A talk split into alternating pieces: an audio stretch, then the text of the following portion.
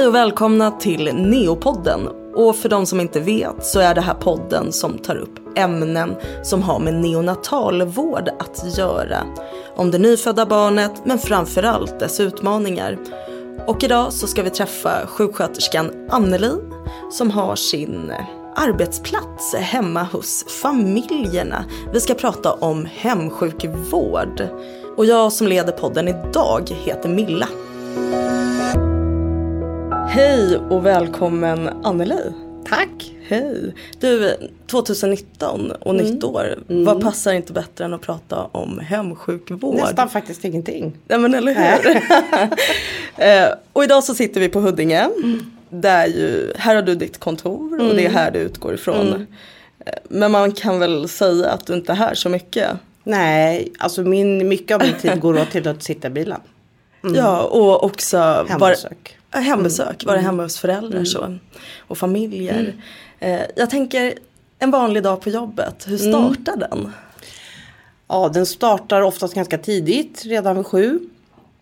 Och då brukar vi nog gå igenom journaler och se om det har hänt något under natten. Eh, det är ju så att om man är inskriven i hemsjukvården så har man också möjlighet att kontakta avdelningen. Om man har några frågor under natten eller om det är något som känns oklart eller så. Så då tittar man igenom all journaltext på alla barnen. Eh, jag brukar också titta på de barnen som ligger och är liksom i pipeline för att gå till hemsjukvården. Eh, och sen har man oftast planerat sin dag och det ska packas massa saker. Eh, ersättningar, nya matsprutor. Fundera på om det är något speciellt man behöver ha bokat innan inför något samtal med någon doktor. Så det är mycket så här koordinationsgrejer eh, som fixas innan man åker ut. Okej. Okay. Mm. Och hembesöket då? Hur går det till? Liksom, när ja. du kommer fram, knackar på dörren. Ja, ja vad Först, gör du? Nej men första gången så brukar det vara, då står de lite så här spända innanför dörren mm. och ändå liksom lite förväntningsfulla sådär och undrar lite vad är det som ska hända då? Och så. Ja, just det. Eh, men man tar ju alltid vikt hemma hos familjen tillsammans med föräldrar och så. Eh, och en gång i veckan så tar man också tillväxt så att man får längd och huvudomfång och så. Och sen går ju väldigt mycket av samtalet ut på nutrition. Det är det som, man, som lång tid av liksom hembesöket går ut på. Okej. Ja. Det är det som hänger kvar lite från det. Ja. Att, ja. att de har blivit utskrivna härifrån. Mm. Men jag tänker om det ändå är ett barn som har sond men kanske också har syrgas. Mm. Vad behöver du för utrustning? Du Nej, har en men... våg med dig för mm. du väger barnet. Mm. Våg har jag och sen så brukar jag säga till familjen att allt, allt som man har till vanliga bebisar det har man också till neobarnen. Och allt det medicinska det har jag med mig. Så att vi har ganska så mycket packning med oss kan man säga. Vi bär mycket. Ja. Från och till bilen och hem till familjer och så. Ja. Eh, men om det är ett barn som har syrgas i hemmet så då har de oftast utrustning med sig hela vägen hem. Så att då har de grimmer och de har saturationsövervak och lite så. Eh, men då pratar man ju också väldigt mycket om hur har dygnet varit och hur ser syrgasbehovet ut. Så att de föräldrarna eh, de är ganska medicinskt kunniga faktiskt. Mm. Mm. Ja de har ju fått en liten, mm. de har ju legat på neonatalen. Mm. Så att de har väl säkert fått en hel del. Ja, eh, ja. Och de blir också innan de går hem härifrån så får de också utbildning i syrgashantering av oss. Mm. Eh, också lite hur man ska tänka runt det här med syrgastuber eh, brandfarlighet och ja, lite ja, just det. Det är ju inte helt nej, enkelt. Nej. Och, ja. Mm. Vad har de för larm där hemma? Ja, man har ju ett eh, sånt där andningslarm. Eh, och det är ju olika varianter. Det finns ju ett larm som används som är för barn som är födda efter vecka 32. Eh, och då är det endast egentligen relaterat till att de har liksom en sond hemma. Och sen har vi en sorts larm som är mellan vecka 28 till 32. Och innan vecka 28 då ska man ju ha larm till tre månader korrigerad ålder. Så då får man låna larm från Hjälpmedelscentralen i Solna. Okej. Mm. Vi tillhandahåller det men, men det är deras larm om man säger. Mm. Men, men är det svårt det här att vårda barnet hemma? För du åker ut ensam va? Mm, jag jobbar all, nästan alltid ensam. Eh, i början tyckte han att det var ganska svårt för att man står ju väldigt mycket ensam i sina beslut. Mm. Gör man ju. När man står där och så undrar man lite så här, hmm, vad är det här? Och det här, är, det här känns inte som vanligt och lite så. Uh-huh. Men jag tänker nu har jag ändå gjort det här några år så ju mer åren går desto tryggare blir man i sina beslut. Eh, men däremot kan jag tänka att det är ganska viktigt att man har jobbat några år på neo. Så att man vet, man kan de här barnen kliniskt liksom hur de fungerar. Innan man eh, börjar jobba med det här. Ja, och ja, men jag tänker det. Alltså, man Mm. kan ju inte vara helt färsk och bara känna att ja, vi jobbar med hemsjukvård. Nej. Det är så mysigt. Mm. eller det är så bra. Eh, men eh, hur länge har du jobbat? Alltså hemsjukvård har jag jobbat fyra år. Ja. Mm, nej, Och fyra det- och ett halvt. Och jag började på neo 2006. Ja, ja men det, Så det var några år innan jag gick det är några år nu. Ja. Mm. Men jag tänker du har väl ändå någon att bolla med. Om det skulle Absolut. vara så. Jag har ju min kollega Rosmarie. Ja. Och vi pratar ju jättemycket sinsemellan. Vi tänker också att det är ett väldigt eh, patientsäkert sätt att jobba på. Att man hela tiden bollar frågor med varandra när man har något man undrar över och så. Sen har ju vi alltid en doktor som är kopplad till oss. Så att jag har min telefon, där finns det mycket så här värdefulla telefonnummer i. eh, så att det finns alltid någon för mig att ringa. Om jag står i, i, ett, i ett hembesök som när jag tänker så här, nej det här är jag inte riktigt säker på. Så. Då finns det alltid någon för mig som jag kan liksom återkoppla till. Eh, så att man kan ta ett beslut tillsammans. Men hur delar ni familjerna mellan er? Geografiskt. All right. Mm. Och du hänger vart? Ja, alltså vi, eftersom att vi kör till en stor del över hela södra Stockholm. Så har det varit automatiskt att jag har kört lite mer åt Södertäljehållet och nedanför Södertälje. Och vi kör ju gränsen tror jag går kanske vid, ja, Mölnbo. Okej. Det är några mil härifrån. Eh, och vi kör även om det finns behov så kör vi till Nynäshamn. Ja, Har vi så. bara plats så, så kör vi. Eh, så. Jag brukar vara lite motstridig när vi börjar prata om stan. Vi kör i stan också. Men då handlar det mest om köer. Ja. Att inte bli sittande på, på motorvägen i köer. För att eh, man har ofta ganska liksom fullbokat schema. Men vilka tar de barnen då? Då är det Solna hemsjukvård. Ja, okej. Mm. Eh, vi har ju också SÖS hemsjukvård som ligger på Södersjukhuset. Och sen har ju också Danderyd en enhet som kör norra sidan av stan. Okej. Mm. Men har det hänt att du inte har hittat? Att du inte har kommit fram Nej. ens? Aldrig? Jo, i en snöstorm. I snöstorm, ja, Ja. okej. I en Men, snöstorm. ja. Men var det bara ett vanligt hembesök? Eller Ja. var, ja. Okej. Ja. Jag fick helt enkelt bara ringa och säga att jag, jag kommer ingenstans. Nej. För att jag har suttit i två timmar på E E4.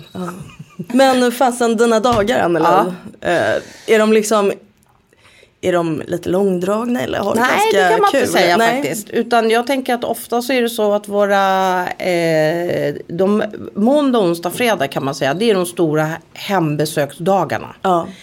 Eh, och då är ju oftast hela förmiddagarna med eh, hembesök. Eh, och sen åker man in och så eh, hinner man inte äta lunch inne då får man äta ute någonstans. Och sen ska det ju dokumenteras. Oftast är det nya familjer som eh, behöver förbereda sig för hemsjukvård. Och de träffar vi också och informerar om hur hemsjukvården fungerar och så. Okej, så du träffar dem redan på avdelningen? Avdelningen, Så ja. du dyker inte upp där som Nej. gubben i lådan? Nej. Utan och Nej. det är faktiskt väldigt, det är ett väldigt bra sätt. För då har man redan eh, man har liksom redan etablerat en kontakt. Eh, och det, känn, det känner man att, och har man tur ibland så kan man stå här och vinka av dem lite grann när de går. Och då är de ännu mer förväntansfulla faktiskt när man kommer på första hembesöket. Ja, men jag förstår. Men när du träffar de här på avdelningen, alltså vad, hur går tankarna? Alltså vad är deras största oro så? Att de inte ska klara sig hemma. Att de känner att det finns ingen röd knapp att trycka på väggen. Det finns ingen personal som kommer. Eh, att om det skulle hända något, vem, vem ringer man? Ja. Eh, men, men eftersom att vi har det här eh, själva inpratet tillsammans med familjen. Eh, innan de går hem. Så, så kan man någonstans, de får ju telefonnummer till alla enheter. Eh, så länge som vi jobbar så kan man alltid ringa oss dagtid. Eh, så att ofta så brukar det inte vara eh, så stort problem. I, precis när de ska gå så kan man se att de nästan lite så här krampaktigt ibland håller, håller kvar liksom Ja. i dörrkarmen. Ja, men jag, Eh, men sen när man kommer på första hembesöket så säger nästan alla samma sak. Att det är det bästa de har gjort. ja. Att få gå hem och vara hemma men ändå ha liksom sjukvårdsresurser. Mm. Ja, och jag tänker lite att det spelar nästan ingen roll när man åker hem. Om det är liksom månad två, tre, fyra eller ett år senare. Det är alltid lika nervöst. Och just den här känslan som du säger att fasen hur ska jag klara mig? Och då vill man ju egentligen bara säga till föräldrarna så här, men du, alltså du har ju klarat det här, du kan ju det här, jag är bara här, alltså Mm. Ja. jag gör inte så Nej. mycket. Jag brukar säga att jag faktiskt bara är en assistent. Ja, Jag är på hembesök tre, tre, ungefär två till tre dagar i veckan. Och under det besöket så är jag bara där som en liten assistent. Det är ni som är helt, det är ni som driver det här själva och jag kan bara lämna råd. Det är det. Sen väljer ju ni själva vad ni gör när jag har gått härifrån. Eh, men jag kan bara liksom råda och rekommendera det, det sättet som jag tycker är det bästa sättet. Ja, och man kan ju förstå där att känslorna är lite tudelade just där när man står och håller i dörrhandtaget och tänker fasen. Men gud vad skönt att bara få komma hem, sätta sig i sin egen soffa. Och precis här innan jag mötte upp dig Anneli så Ja som sagt vi sitter ju här på Huddinge och vi är på avdelningen och det är därför det tjuter lite och sådär ibland för de som lyssnar om de undrar. Då. Eh, så träffade jag en familj som jag hade träffat på eh, Solna. Och de sa just det här som du berättar att ah, sådär lite i början men det var det bästa de har varit med om. Få åka hem och det spelar ingen roll att de hade liksom läkemedel och syrgas i hemmet. Det var så skönt. Och det kan man ju tänka sig själv också. Ja, och jag tänker ibland att mm, det är ju jättebra med sjukhus att sjukhus finns. Men det är ju aldrig samma sak som att vara hemma. När man Nej. har sina egna grejer, det är heller inte folk i, i liksom omlopp hela tiden. Även om alla vill, alla vill ju liksom alla väl som är här så är det ändå som så att det knackas på dörren och man ska ronda. Eh, och så kanske kommer någon dietist och så behöver man byta lite läkemedel och så händer det något annat. Och hemma så får de jag tänker att de också liksom växer lite som personer. För det är också som så att de... Det är klart att de har frågor där när de står i sin ensamhet. Men många gånger så löser de ju faktiskt dem själva. Ja. Lite liksom sunt förnuft och, och lite så. De är tvungna att lösa det. Och jag, jag tänker att det tror jag också man växer av. Ja. Ja, och många utav eh, föräldrarna till neobarn då, eh, de har ju också haft eh, lite tid på sig Ja, att lära verkligen. sig allt det här. Och, eh, Till dem vill jag bara säga så här, fasen du är så här good Ja. enough. Alltså klarar inte du det här då Ja, vet jag absolut. inte liksom. Ja. Men det gör de. De är så jäkla bra. Och de kan sina barn. Ja, jättebra. Alltså, jag är- brukar säga att jag, jag kan inte ert barn.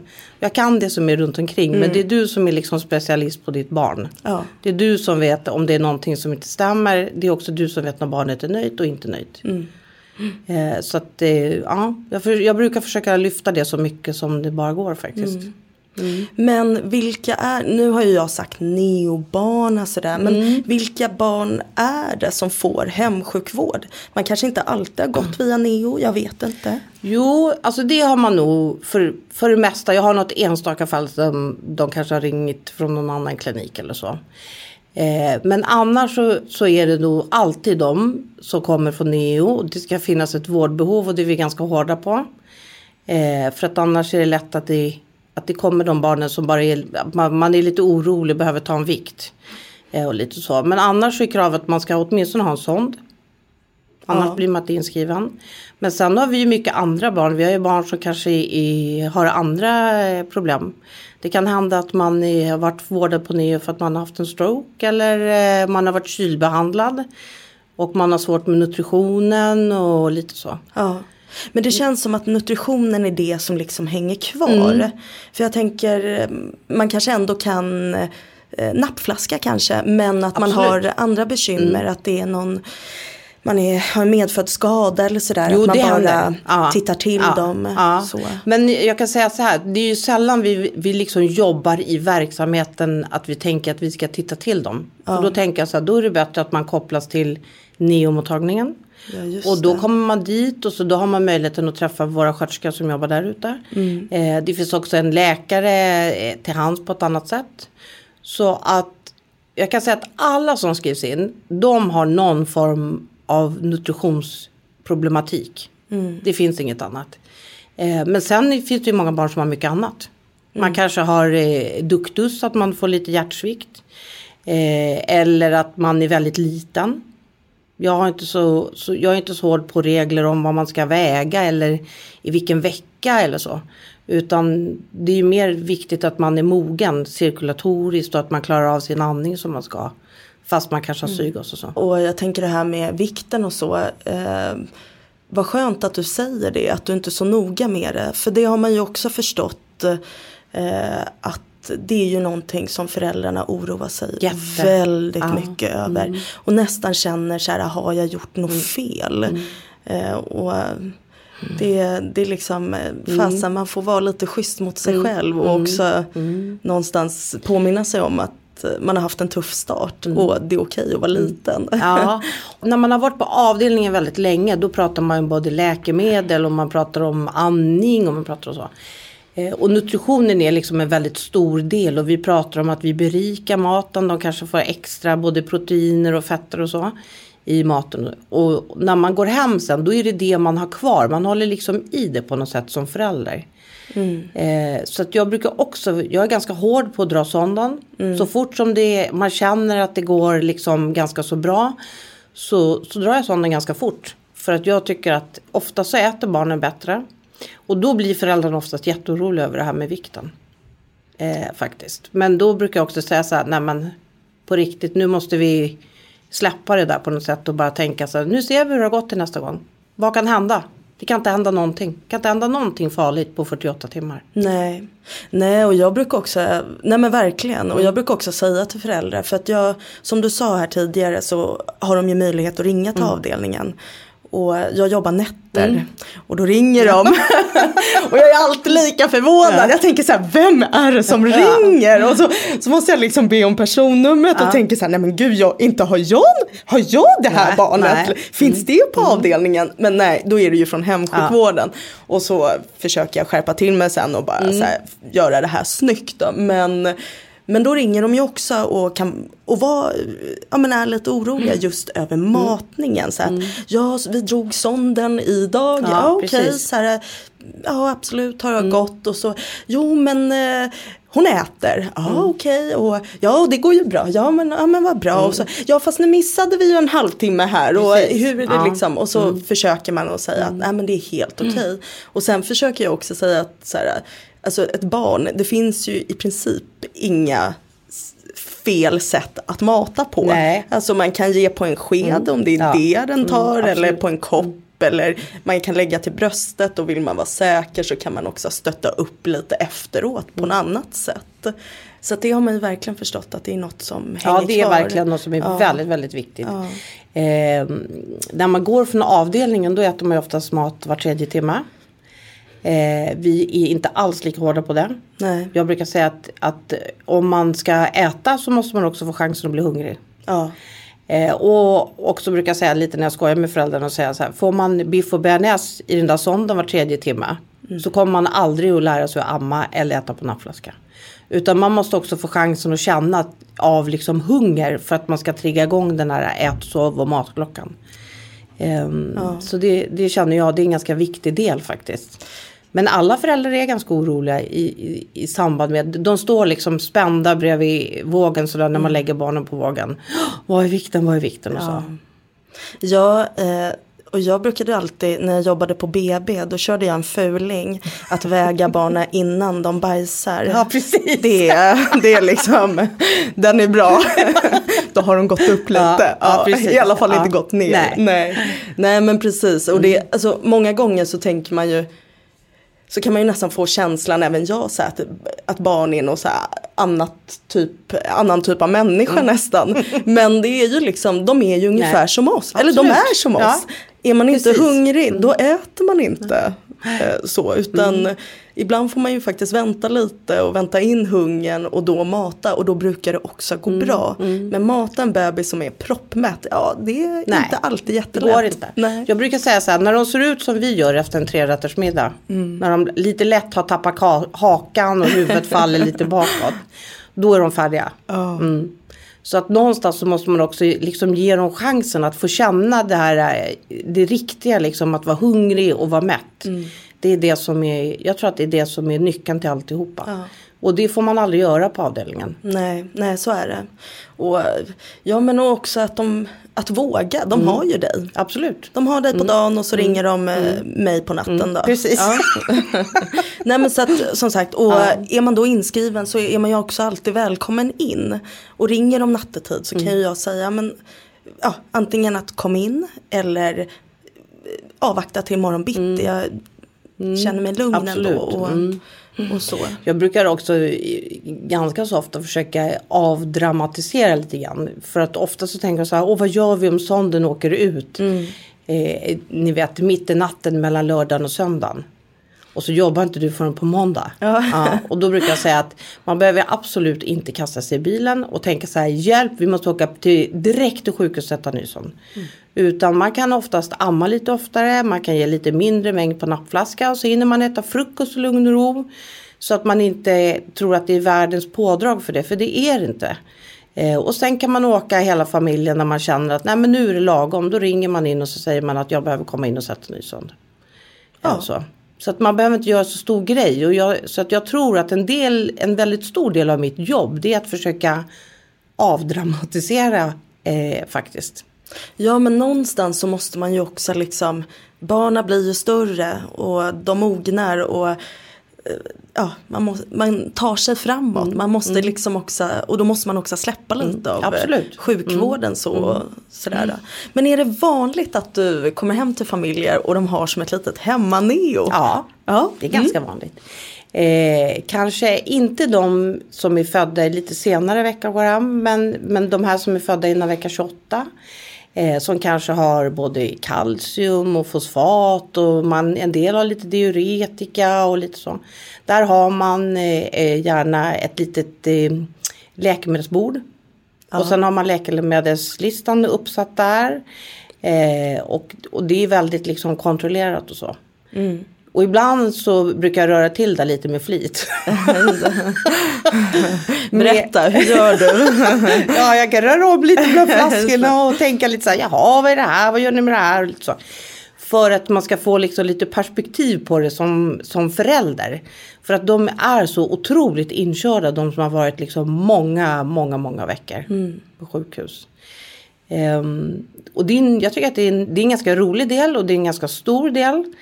Ehm, att, att försöka prata om att man behöver normalisera eh, livet hemma. Att man ska gå från liksom sjukhusvärlden till något som är mer normalt. Ja. ja men precis och någon gång så blir man ju också, många av de barnen vi har de, de eh, tar ju sig ur det här eh, Mm. och mår och blir friska och mår ganska bra. Men även om man då liksom kanske också bär med sig en skada så blir ju det ens normalläge. Ja, det blir ju precis. ens friska Ja. jag sådär. Och att man då liksom vågar stötta upp, alltså tro på barnen Mm, och ge dem förutsättningarna Ja, att liksom Och framförallt kan man tänka att jag har ju haft en del barn också som kanske har någon form av hjärnskador eller lite så. Och då framförallt på dem också tänker jag att det är väldigt liksom viktigt på vad är det de är bra på. Ja. Och försöka lyfta på det som är bra. Och, och nu går det jättebra med amningen. Så nu, nu så riktar vi in oss på att vi ska helamma och så säger föräldrarna att det kommer aldrig gå. Vi bara låtsas som det regnar. Vi kör på precis som vi brukar göra. Och går det inte, då får man ta ett nytt beslut senare liksom. Så att, och det brukar vara lite, jag tror att det är vårt mission där ute. Att man ska försöka köra mot det som är normalt och vanligt. Och, och när man skrivs ut mot BVC så ska man tänka att det här är precis som för många andra barn. Men sen har man kanske vidare uppföljning att man kommer hit och träffar en neonatolog och sjukgymnast. Och, och så liksom längre fram. Eh, men det är en stor del av, av mitt jobb känns det som. Ja, och det, det låter faktiskt helt fantastiskt. Det är ett jätteroligt jobb. Anneli, har du världens bästa jobb? Ja, jag tror det faktiskt. Ja, ja. Ja. Nu har inte jag jobbat lika länge som dig, men eh, snart kommer jag att ta Ja, det. ja, Mm. det nej, jag skojar. Ja. Vi, vi jobbar sida vid sida. Vi är inte varandras konkurrenter, nej.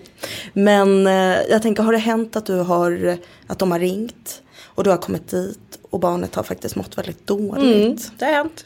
Okej. Eh, ja, det händer. Nu är det ju RS-säsong och jag tänker att det är eh, vinter. Eh, så det kommer att säkert att dyka upp en och annan där man kommer hem och man tänker att de inte är så himla fräscha. Eh, och man har också liksom känner att nej men den här behöver komma in. Så att eh, några gånger varje vinter får man alltid skicka hem. Skicka in dem till avdelningen så att man får eh, kontrollera dem och så. Eh, jag hade någon, ja det är väl något år sedan tror jag. När jag kom ut långt, långt, långt, långt härifrån ut på landet. Och också hade ett barn som var jätte, jättedåligt. Ehm, och då var jag tvungen att ringa 112 och så gjorde jag vad jag kunde tillsammans med föräldrar hemma. Och eh, de, ambulansen kom men de tillkallade också en helikopter. Så att vi fick landa med en helikopter mitt i ett eh, höghusområde Oj. i sandlådan. Eh, och så. Men det gick jättebra. Men eh, ja, Okej, ja. Men okej, ja och om de då hämtas av ambulans och, och här helikopter då, ja då går de ju via akuten tänker jag, Nej. in på en barnavdelning. Nej, jag, då, då ringde jag bara Ja. in hit och så sa jag så här, nu kommer ett barn med helikopter om tio minuter på eh, helikopterplattan och någon måste ta emot den. Okej, Mm. Så, att, så, så det händer ju så att det, att det händer sådana saker. ja det är klart. Eh, men eh, det är inte så mycket. Om man, om man tittar på hur många barn vi ändå har inskrivna varje år så, så det är ju väldigt sällan Mm. faktiskt. Och hur länge, hur länge brukar man få vara hos föräldrarna? Alltså På både, ett besök tänker du? ja, på ett besök och också hur länge man behöver kanske hemsjukvård så. Alltså ett hembesök vet ni, det kan ju ta från typ 10 minuter till en del, där skulle man kunna vara hela dagen. Mm. För att det är så trevligt. Ja, och för att de oftast har ganska mycket frågor och de vill gärna att man ska vara där och, och lite så. Eh, men jag, jag tror att vi brukar nog se till att vi vid första hembesöket har ganska gott om tid. Eh, så att man har liksom tid för frågor. De har oftast en hel lista med frågor när man kommer på första hembesöket. Eh, men sen ju mer man har varit där och, eh, och så, så ser man att på slutet då är de liksom färdiga. Så jag brukar säga när de liksom slutar att ställa frågor. då är de färdiga. Och då är de liksom redo för utskrivning. Så när man frågar så här, ja har ni några frågor? Nej, säger de. Då, då är de liksom färdiga från oss. Då vill de egentligen bara att jag ska komma dit och ta en vikt. Och så ska jag tala om hur mycket de ska ge sonden och sen är de färdiga med mig. Ja. Så det är jätteolika. Men, men om man ska göra ett genomsnitt kanske ja, 30-40 minuter ungefär. Om det är ganska okomplicerat. Sen när man har barn som har syrgas i hemmet och det är mycket läkemedel och så. Då får man också tänka att det oftast tar längre tid. Eh, under tiden som de är inskrivna hos oss då behöver man ibland räkna tillsammans med läkaren och man behöver justera läkemedel och, och lite sådana saker. Så då brukar det oftast ta lite längre tid. Kan de ringa dig och be dig komma även fast ni inte har Absolut. ett bokat möte? Ja. och Ja, du ja. har möjlighet att göra det? För det mesta. Sa jag det. Eller så kan jag säga så här, fast jag har inte tid att åka ut, ni får komma in så möts vi här eller så. Men oftast är det inget problem. Vi kan oftast liksom mötas någonstans på, på halva vägen. Ja. Vi försöker att, att inte mm, att de inte ska behöva åka så mycket. Eh, faktiskt jobba ut mot familjerna. För det ser man ganska tydligt att, att de familjer som åker en del. En del av de här extremprematurerna de har ju mycket att de ska komma in på ögonundersökningar och man ska vaccineras och man ska göra läkarundersökningar och så kanske man ska göra någon eh, gå på hjärtmottagningen eller lite så. Och då försöker vi vara ganska hårda på att vi jobbar ut mot familjerna. För det ser man att det, det är ganska liksom slitsamt för dem. Eh, när de ska åka fram och tillbaka faktiskt. De blir trötta barnen och, och det kan man se också nutritionsmässigt. De kanske inte orkar amma lika bra som de gör i, i vanliga fall när de bara är hemma och så. Så vi, vi jobb, försöker jobba ut mot familjerna så mycket som det faktiskt bara går. Okej. Men jag tänker, ser du någon skillnad på om vi exempelvis, vi, vi kan säga extremt prematura barn födda veck, innan vecka 28 och lite större barn och hur länge de behöver hemsjukvård. Skiljer det sig väldigt? Alltså det är nog så här att de barnen som är födda extremt prematurt. Det låter jättekonstigt att säga det här men, men de har oftast kanske inte hemsjukvård lika länge. Nej, okej, berätta varför. Ja. alltså dels så tror jag att det är som så att de har varit väldigt länge på sjukhus. Så de kan sina barn fantastiskt bra. De har jättebra koll på allting som är runt omkring. Det som är också som är ganska så synd ibland men jag kan också förstå att man inte orkar det är att man kanske inte i samma utsträckning ammar sina barn. För de har liksom pumpat och pumpat i månader på sjukhus. Och när man sen börjar gå, liksom gå hem då kanske mjölken har sinat eller man har inte orkat hålla igång det här av olika eh, anledningar. Och då är det, det är oftast lättare att lära ett barn att äta på nappflaska. Mm. än att amma. Att amma är ju liksom som att springa maraton och äta på nappflaska är som att springa runt kvarteret. Ansträngningsmässigt för barnen. Ja. Så det är nog mer det faktiskt. Eh, och de här barnen som är lite större som går i hemsjukvården som kanske går i vecka 33, 34 så. De är ju oftast inte så många dagar. Utan de, de kan vara ganska så färska. De kanske är bara några dagar när de går hem. Och då finns det, då tar det liksom längre tid. Men de ammar ju oftast vid utskrivning. Och då, det tar längre tid också att lära sig att äta eh, den vägen. Ja, Faktiskt. det är klart. Det här är inte något jag vet nu vetenskapligt. Nej, men, men- men... det är en känsla som man får. Ja. Eh, sen finns det självklart mammor som helammar de här som extremprematurer också. Men, men jag upplever att ibland är det så just. De har hållit på många veckor.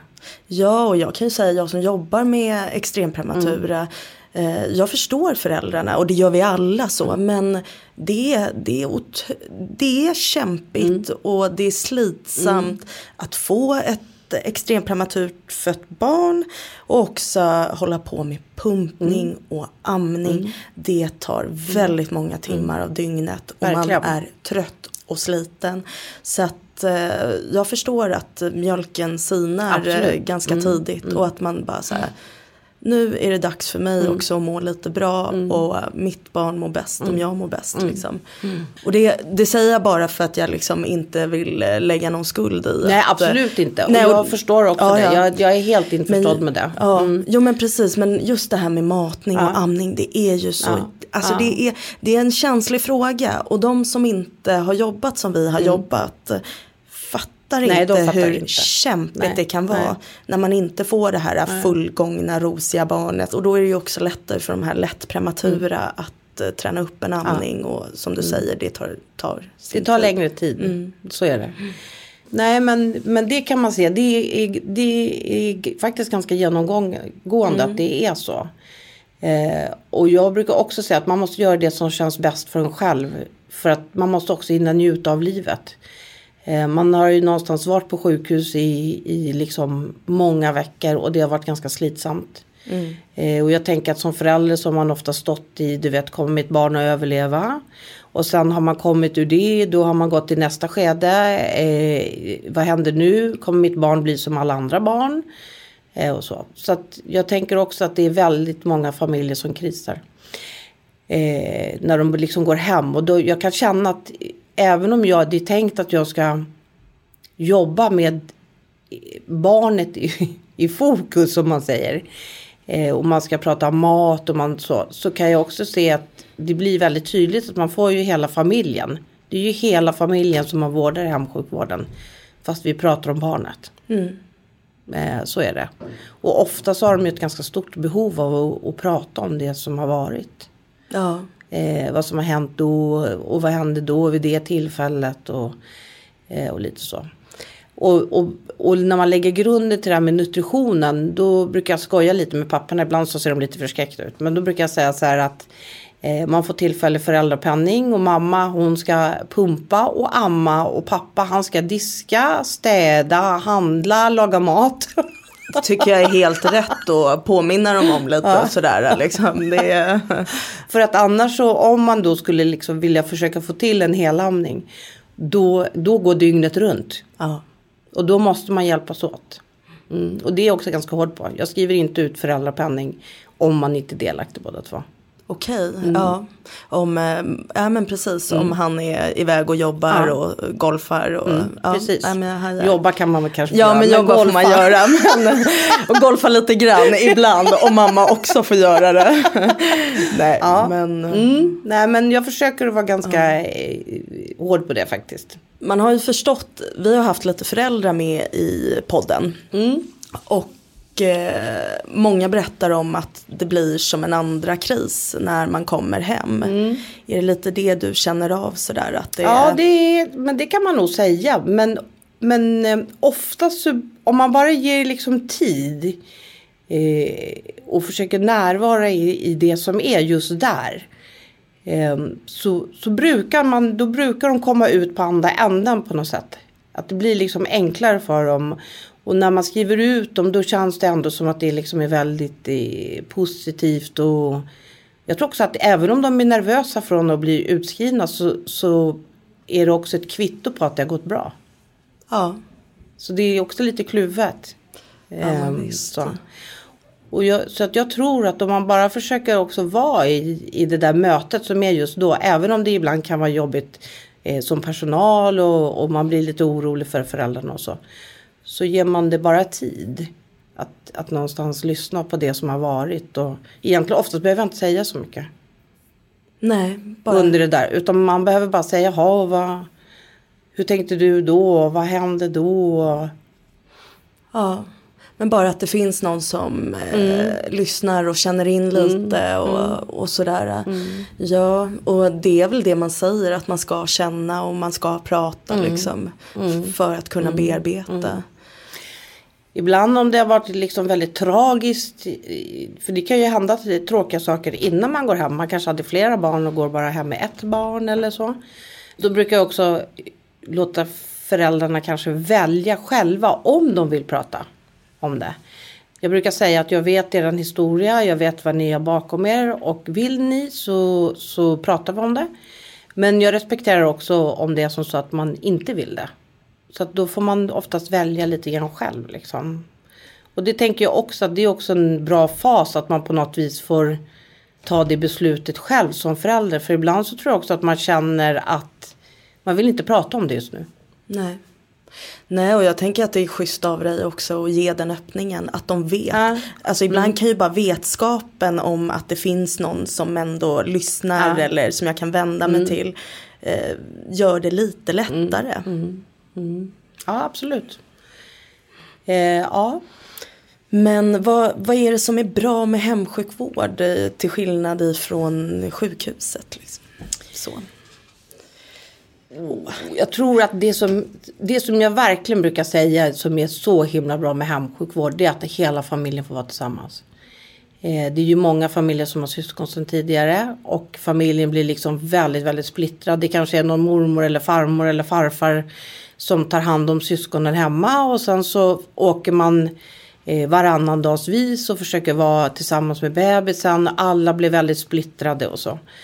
Ehm, det är ju, för mig är det liksom, det ser man väldigt, väldigt tydligt här. Att de är splittrade när de, när de är här och ibland kan folk vara liksom oroliga för dem. Hur ska det gå när de kommer hem och så. Och då brukar jag bara säga, skicka bara hem dem. För att hemma finns det ingen knapp att trycka på. Eh, man har också möjligheten att vara tillsammans i familjen och de har också lättare att stötta varandra. Eh, så så det är väldigt, det kan jag se att det är väldigt, väldigt stor skillnad på mm, eh, på familjerna när de är på avdelningen jämfört med hur det är när de kommer hem. På något vis så, så taggar de ner lite och de kan liksom njuta lite av livet. Blir inte heller så styrda av klockan och ja. Det är verkligen eh, en stor styrka tycker jag. Att, att kunna få vara hemma men ändå, ändå vara liksom i neonatalverksamheten och så. Mm. Så när det börjar liksom närma sig för hemgång från neonatalen så skulle du mm, liksom kunna säga till föräldrarna att bara gör det, våga liksom. Ja, jag brukar säga precis så faktiskt. Ja, ja, du, Eller släpp dörrkarmen. nu just måste det. ni bara gå. Stäng Man- dörren. Precis. Eh, ibland säger jag också faktiskt ta riktning mot den där eh, ytterdörren och se ljuset i tunneln där ut på andra sidan. Eh, jag tänker också att ibland så måste man också liksom skoja till det. För att jag tror att ehm, de har varit under press i så himla många veckor. Eh, jag tänker att vi som personal också synar dem där inne. De synar också oss. Men det är hela tiden en utvärdering från olika håll. Eh, och då kan jag ibland känna att, att ibland så mår man liksom bra av att det bara rocka till det lite. Om jag ska vara helt ärlig. Att någonstans kunna liksom bjuda lite på ett garv och säga att gå hem nu och så njuter ni av det här och sen så ses vi på måndag liksom. Eh, jag tror att, att det ger jättemycket faktiskt. ja. Men jag tänker också när de är inskrivna på hemsjukvården. När kickar BVC igång? Nej men vi ringer BVC. När vi ser att det börjar gå mot utskrivning då ringer vi BVC. Och så talar vi om att de här barnen är på gång. Och de barnen som är väldigt tidigt födda och som har liksom lite extra uppföljningsprogram och så. Eh, de brukar vi faktiskt träffa tillsammans med familjen. Så att man har liksom som en liten överlämning. Då är både föräldrarna med och BVC-sköterskan. Och sen så från hemsjukvården. Um, och det blir oftast väldigt bra. Jag tror att både BVC och föräldrar tycker att det känns liksom tryggt. Uh, och, så. och är det de här barnen som är lite större då ringer man direkt till, till BVC själv. Så jag brukar sällan, jag brukar säga att ni behöver inte bry er om att höra av er till BVC. Utan det gör vi. När vi ser att det börjar gå mot utskrivning och så. Då hör vi av oss till BVC och så. Mm. Nu har jag jobbat ett tag och då blir det att man känner ganska många av de här BVC-sköterskorna. Ja. Så att det, det, blir också väldigt enkelt i överlämningen och att man har liksom en direkt eh, kontakt. Och det tycker jag känns jätte, det känns oftast jättebra faktiskt. Ja. Men jag tänker också att det måste kännas väldigt bra för sköterskorna på BVC. Mm. Alltså, det kan ju inte, nu, nu vet inte jag alls vad de har för eller jo, jag vet ju vad de har för utbildning mm. men, men jag vet inte hur stor kunskapen är eh, om eh, tidigt födda. Mm. Och man får en känsla av att det som eh, Föräldrarna är ju väldigt nöjda med BVC mm. men det som ändå kan liksom vara lite sådär en, att det krockar lite det är ju just det här med vikten. Mm. Aha, att eh, BVC tycker att ungarna är för små. Ja. Alltså jag upplever faktiskt väldigt sällan det. Och de barnen som är ganska små som skrivs ut härifrån. De är oftast kopplade till en dietist. Eh, och vi har ofta skrivit en väldigt tydlig plan på i, i min sammanfattning från hemsjukvården eller från våra sammanfattningar så, så, står det väldigt tydligt så här.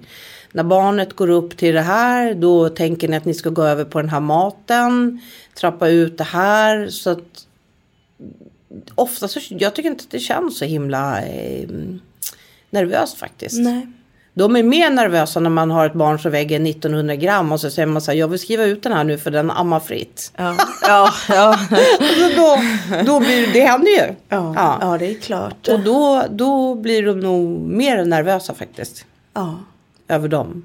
Sen brukar jag säga, det går alltid att ringa. Ni har ju mitt telefonnummer, föräldrarna har mitt telefonnummer. Ring om det är något som man undrar över eller att man behöver något recept eller så. Det betyder inte att när man skrivs ut så bara jag brukar säga lite på skoj så här, klipp navelsträngen nu. Ja. Men, men jag tänker också att det är inte som så att man inte får höra av sig. Om det Nej. är någonting som verkar konstigt. Tar eh, BVC-läkaren över eller? Ja. Eh, de barnen som är väldigt tidigt födda de får oftast en sån här fullgångenhetsundersökning här i samband med utskrivning. Eh, och har man varit inskriven ja, längre än i alla fall två, tre veckor eller så. Då brukar vi ta in dem för en läkarundersökning inför utskrivning. Utskrivning från er då, hemsjukvården? Yes. Ja, ja, för sen dröjer det ju, brukar ju dröja en månad innan man får träffa en barnläkare på eh, BVC. Och så. Okay. Sen skriver vi också remisser ibland på, tillsammans med doktorerna. Att man skicka remiss till specialist BVC. Det finns ju inget riktigt sånt. Men då, då får man också träffa en barnläkare lite tidigare. Ja just det. Mm. Fastän det där har jag funderat på förut. Och eh, jag tror eh, Bobo nämnde det i ett mm. avsnitt. Och eh, jag ställde frågan till någon, nu minns jag inte vem. Men just det här att det kanske vore bra med en BVC för neobarn. Vad tror du? Ja, jag tror att det ska vara jättebra. Ja. Mm. Anställ mig där. Nej jag skojar. Nej jag tycker också det vore jättebra. Och supermysigt. Och kul att få se de här ja, barnen. Alltså ja. det är ju det också mm. du vet. Man lämnar, alltså man följer de här barnen mm. så länge. Mm, absolut. Och sen så vet man inte så Nej. mycket mer. Nej. Alltså det är så himla roligt va. För att oftast om de är här på återbesök eller så. Då brukar de ju stå och banka på dörren. Oh. In till oss och säga titta här är vi. Och, lite så här. och det är ju jätte, jätteroligt. Om man mm. verkligen får se hur de har liksom vuxit på sig och så. Så mm. det är jätteroligt. Och ibland händer det att man träffar eh, folk i, ni vet, i centrum eller så. Och helt plötsligt så står de framför en och, och viftar och så. Oh. Eh, så det är, det är faktiskt ett väldigt, väldigt roligt sätt att jobba på. Mm. Ja, det förstår jag. Eller ja, det mm. är det verkligen. Eh, jag tänkte fråga lite vad det bästa med, med ditt jobb. Vad tycker du är liksom? Att jag bestämmer över min egna tid. Ja. Om jag ska vara helt ärlig. Eh, det bästa med mitt jobb är att jag planerar min egna tid helt och hållet. Det är ingen som liksom egentligen, jag ska göra mina arbetstimmar. Men det är ju ingen som egentligen bestämmer när jag ska börja eller när jag ska sluta eller så. Utan jag kan nog styra väldigt mycket utifrån hur verksamheten ser ut. Eh, eller om jag har något speciellt som jag behöver göra. Så, Ja. så jag är ju också studieledig 20 procent. Eh, för att jag är på Stockholms universitet också. Vad gör du där? Jag är med i en studie som heter TISAM. Okej. Som Erika Baraldi ska doktorera i angående uppföljningen av eh, extremprematurer. Okej. Då väntar vi med spänning Mm. Ja, på den. det ska bli Den, mycket eh, spännande. Ja. Ja. Eh, men så då, då, man kan bestämma liksom mycket, jag kan bestämma mycket min tid själv. Men jag göra. tänker också att det ställer ganska stora krav på en. Absolut, jag kan ju inte säga så här, nej men hörni, jag, det kan man ju säga på avdelningen. Och hörni, jag hann inte med det här så ni får fortsätta med det här. Det, det finns ju inte, utan jag måste ju jobba till jag är färdig. Ja, det. Ja. Ja. Det finns aldrig någon som jag kan liksom lämna över mitt arbete till eller så. Utan jag måste ju alltid slutföra allting själv. Eh, men jag tänker också att ju längre man har jobbat så blir man ju duktigare på att prioritera. Ja. Ja, så att, Men, men om du är sjuk en dag? ja då är det inte lika lätt. Nej. Mm. Eh, vi är ju två som jobbar på hemsjukvården här heltid. Oftast så kan vi lägga om hembesöken lite olika så att man kan försöka täcka upp varandra. Eh, vi har ju också en av tjejerna som är på mottagningen som också är inskolad på hemsjukvården om det verkligen skulle krisa sig. Så att vi försöker använda hennes eh, kunskap också. Då, då. Är det som så att det är helt omöjligt att, att få till det, då är det ju inte så, så att vi absolut inte skulle kunna ringa våra kollegor på Solna till exempel. Och fråga, eller Danderyd. Nu har ju vi sällan på Danderydsidan, men Solna kanske om man har i stan och säga att skulle ni kunna kanske ta ett hembesök för att vi har det jättetjorvigt precis just då. Eh, men det är oftast inga problem. Det går faktiskt väldigt eh, bra. Vi är ju sällan sjuka. Det är så man får tänka. Ja, ja. Nej, men det är vi ju inte. Nej. Nej. Eh, Så att, ja nej men det är faktiskt inte så himla stort problem. Det löser sig. Man, jag tänker de barnen som är nästan färdiga för utskrivning och så. Vi har ju också lite extra vågar. Så de kan man också göra som så att man lånar ut en våg. Jag har två familjer nu som jag har gjort det till. Eh, och då lånar man ut en våg och då kan de ta vikt själva. Hemma. Och sen så tänker vi att barnen mår så himla bra. Så att det finns inget behov av mig så. Utan då kan de återkoppla vikten till mig och så kan vi prata nutrition på telefon. Men du träffar väldigt mycket olika familjer. Mm. Med i olika situationer. Och inte bara det att de har fått ett barn som har fött för tid. eh, Ja. Alltså jag brukar säga att alla föder barn oavsett om man är rik eller fattig. Eller om man är nyanländ eller ursvensk.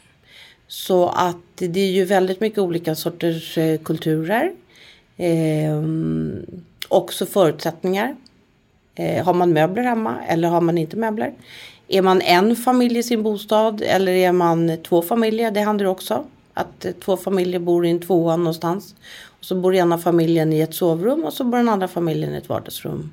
Och så har man köket gemensamt till exempel. Eh, ja, och, och vi har ju en hel del familjer som inte pratar svenska och inte pratar engelska. Så då får man också jobba med tolka ganska mycket. Eh, faktiskt både i, på, i hemmet då, då med telefontolk men också en del med tolk på plats faktiskt. Vad är det svåra med att eh, jobba med, om vi, om vi tar en familj, det är ju egentligen skitsamma var de kommer Mm. ifrån. Men de pratar inte språket och man Mm. behöver en tolk. Eh, Alltså, jag- kan säga så här, ofta så är det faktiskt inte så himla stora problem. Eh, jag tror att det är viktigt att man har tolk när man ska ha ett, det här inpratet när man träffar familjen i början. Oftast så förstår de lite så att man kanske kan visa på en spruta hur mycket vill jag att du ska ge den här sprutan. Eh, eller också så har de någon väninna som pratar lite bättre svenska. Eller att någon av dem är lite mer eh, svensktalande eller engelsktalande eller så. Så att ofta så, så går det faktiskt, eh, det går väldigt bra. Och jag tänker också om man har tagit sig hela vägen från ett annat land. ja, Så är man ju heller inte född i farstun. Utan man klarar av att ta lite egna beslut. absolut, Ja. det tror jag. Mm. Och så har man ju hängt där på neo Ja, och så har man precis. liksom Mm. Eh, Och som vi pratade om från början där att eh, föräldrarna är ju de faktiskt som känner Ja, barnen absolut. bäst. Mm. Men så det blir mycket för dig att också egentligen bara stå bredvid och ge, säga till föräldrarna att fasen du gör det här rätt. Mm, Precis. Liksom. Ja, Jo det är det absolut. Jag brukar faktiskt eh, försöka att inte ta så mycket barnen. Helt medvetet. Jag tar barnen när det finns liksom ett behov att om jag känner att jag är lite orolig för barnet. Jag måste få känna lite hur det känns. Eller det är något speciellt jag ska titta på. Eller lite så. Men, men annars så gör jag väldigt sällan det. Jag brukar faktiskt säga att men det är ditt barn. Så att du får lyfta på vagan. Det är du som får lyfta bort. Eh, lite så. Vid sista hembesöket brukar jag säga så här, nu måste jag i alla fall få gulla lite. Men, men annars är det verkligen att, att jag tänker att jag verkligen hands off lite grann. Det, är inte, det är liksom inte mitt barn utan jag cirkulerar liksom lite grann i utkanten. Eh, jag tänker för oss som jobbar på avdelningen. Har du några tips till oss eh, sådär innan de eh, får lämna? Åh vad svårt, vad menar du då för tips? Är det någonting vi kanske borde bli lite bättre på innan vi skickar hem föräldrar? Är det något vi borde säga till föräldrarna? Eller kanske inte ska säga till föräldrarna? Egentligen så är det inte så mycket egentligen om, om allmänna saker utan då är det mer i sånt fall med nutritionen. Och det kan jag se ibland att har det varit väldigt, väldigt mycket att göra på avdelningen. då kan jag se att de inte kanske har fått så mycket stöttning i det här med amning eller lite så. Man hinner vara med och lägga till barnen vid bröst och så. Men man kanske inte hinner vara kvar en längre stund för att det är massa andra saker och så är det ju om det, om det händer mycket saker på avdelningen och så. Eh, det, kan man väl, det skulle man kunna önska men jag vet också hur verkligheten ser ut. Att det rullar på ganska bra där inne ibland och ibland så hinner man inte vara kvar. Man hinner vara med på det där första men man kanske inte hinner resten så. Annars brukar jag säga så här, gå bara hem och chilla. Det kommer bli bra sen. Jag kommer på första hembesöket och då brukar jag garva lite och säga så här, och då gör vi om alltihopa. Just det. Glöm det du har lärt dig. Ja, där, om på- alltihopa brukar säga och skratta lite. Då gör vi nya nutritionsplaner och, Ja. och lite så. Vi är inte så hårda med att man ska äta var tredje timme. Nej. Utan de får sova längre. Så det brukar, det brukar liksom ordna till sig lite grann när de kommer hem sen. Ja men jag hajar och man måste ju också göra lite skillnad på barn och barn. Absolut, Sådär. Och, ja. eh, ibland så kan jag ju också känna, det är ju inte bara så att eh, jag träffar extremprematurer men det är ju lätt att eh, när barnen kommer till avdelningen så gör man allt. Absolut. På alla. Ja. Och så är det en fullgången bebis Ja. eh, som ändå kan eh, reglera sin Ja. temperatur, sin kroppstemperatur. Mm. Men ändå så står vi där och tar de här eh, tempen var tredje timme. Mm. Och, och visst, det kan man ju göra på avdelningen. Det kanske är bra då. Men då brukar jag också säga så här att, hörni, alltså bara så ni vet, det här behöver ni inte Nej, göra hemma. nej. Ni tar tempen när ni tror att det Mm. är något liksom. Eh, så att man vänjer av sig de där lite, Alltså man, det kan man ju liksom- se ganska tydligt att många är ju verkligen hospitaliserade. ja, jag Ja. torkar rumpan med kompresser är ju också. Och då brukar jag också säga så här, nej är men dyrt. snälla du. Ska du hålla på med så här Wettex-näsdukar i resten av framtiden? Ja, nej, men, ja, men, nu ska vi gå mot Ja, det som är normalt. Ja. Mm. Inte liksom stanna kvar i det där nej. andra. Jag tycker att det är verkligen är, är viktigt att man ja, försöker fokusera på det som är normalt. Och friskt. Ja. Det var en ganska, jag tyckte det var väldigt svårt kan jag säga. När jag gick ifrån IVA eh, och gick till hemsjukvården. Då är man så inne i de där tankarna som du är med.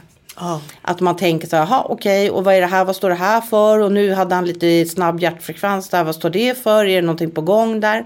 Och det var, jag tycker att det var en ganska jobbig period att gå från, från det där sjuka till att försöka se det som är friskt. Ja, det det. var jättejobbigt alltså för mig som från personal faktiskt. ja men att inte koppla upp den där saturationsmätaren. Ja. bara för Ja. att så här, Ja, oj Ja. oj.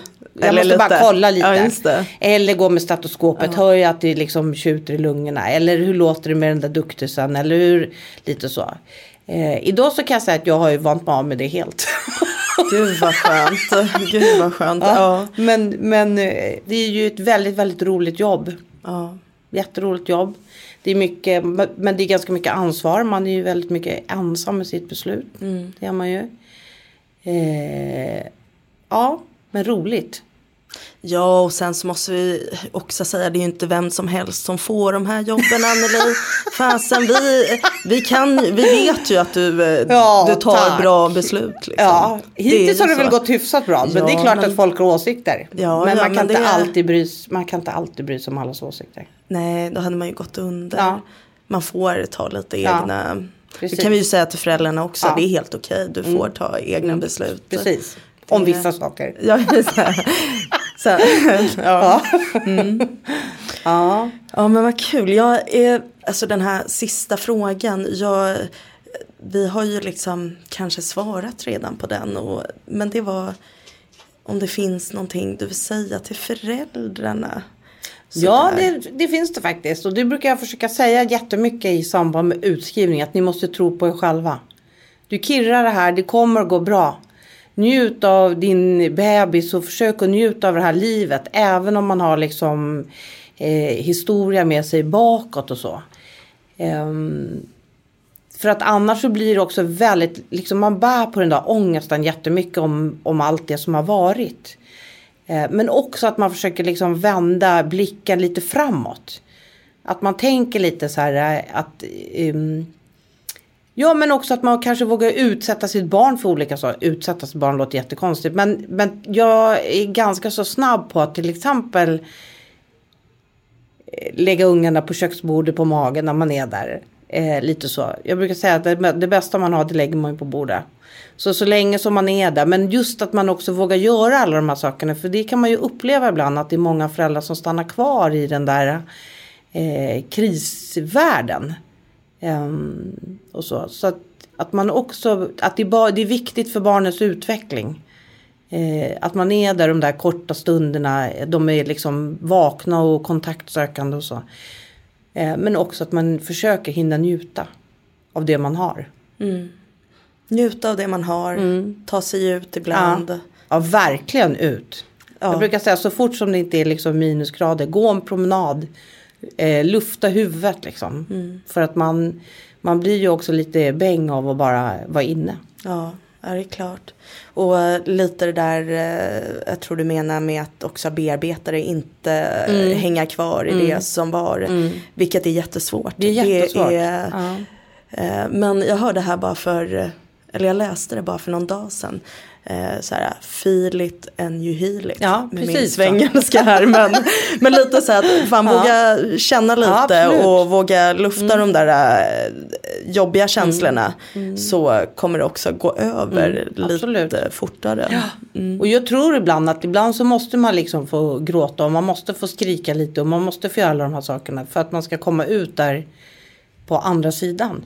Ja men såklart. Och Mm. vad fasen. Eh, jag tänker så här. Om föräldrar till fullgångna barn gråter. De har Ja, det jobbigt. precis. Varför skulle inte ni kunna ha det? Varför, liksom, Ni har ju också haft det jobbigt. Mm. Ja, absolut. Och ni kanske också haft det lite jobbigare. Så, Mm. Ganska eh, mycket jobbigare. Ja verkligen. men ni har det också väldigt bra. Ja, absolut. ja. och jag brukar tänka, jag brukar säga ibland till familjer så här, tänk att, att på ett sätt så är det ju också fantastiskt att vara prematurfödd. För att man har liksom redan gjort massa saker. Man kanske är jätteduktig på att redan fästa blicken och vara i, i kontakten med sina föräldrar. Och hade barnet varit fött nu, då hade den inte fixat det. För Nej. den hade varit helt färsk. Så någonstans så kan jag tänka att man får försöka liksom lyfta det som är positivt. Ja. Eh, så, så ja, Ja, de har helt enkelt fått lära känna sina barn Ja. Mm. lite tidigare än vad som tillhör det Absolut. Mm. vanliga. Och bara ta tillvara på den tiden. Ja, verkligen. Men Anneli, Ja. det var allt. ja, tack Ja, snälla för ja, att ni tog tack. hit mig. Det var jätteroligt. Ja, Ja, men kul. Och jag hoppas vi ses igen. det gör vi säkert i korridoren. Ja, om, om annat så inte där liksom. Men, ja. men tack så jättemycket. Tack själva. Ja, hej. Hej. Tack ni som lyssnat och ladda gärna ner vår app, Neonatal-appen. Finns där appar finns och där kan ni bland annat lyssna på oss, Neopodden. Men det finns också annan matnyttig information att hämta. Det var allt för den här gången. Tack!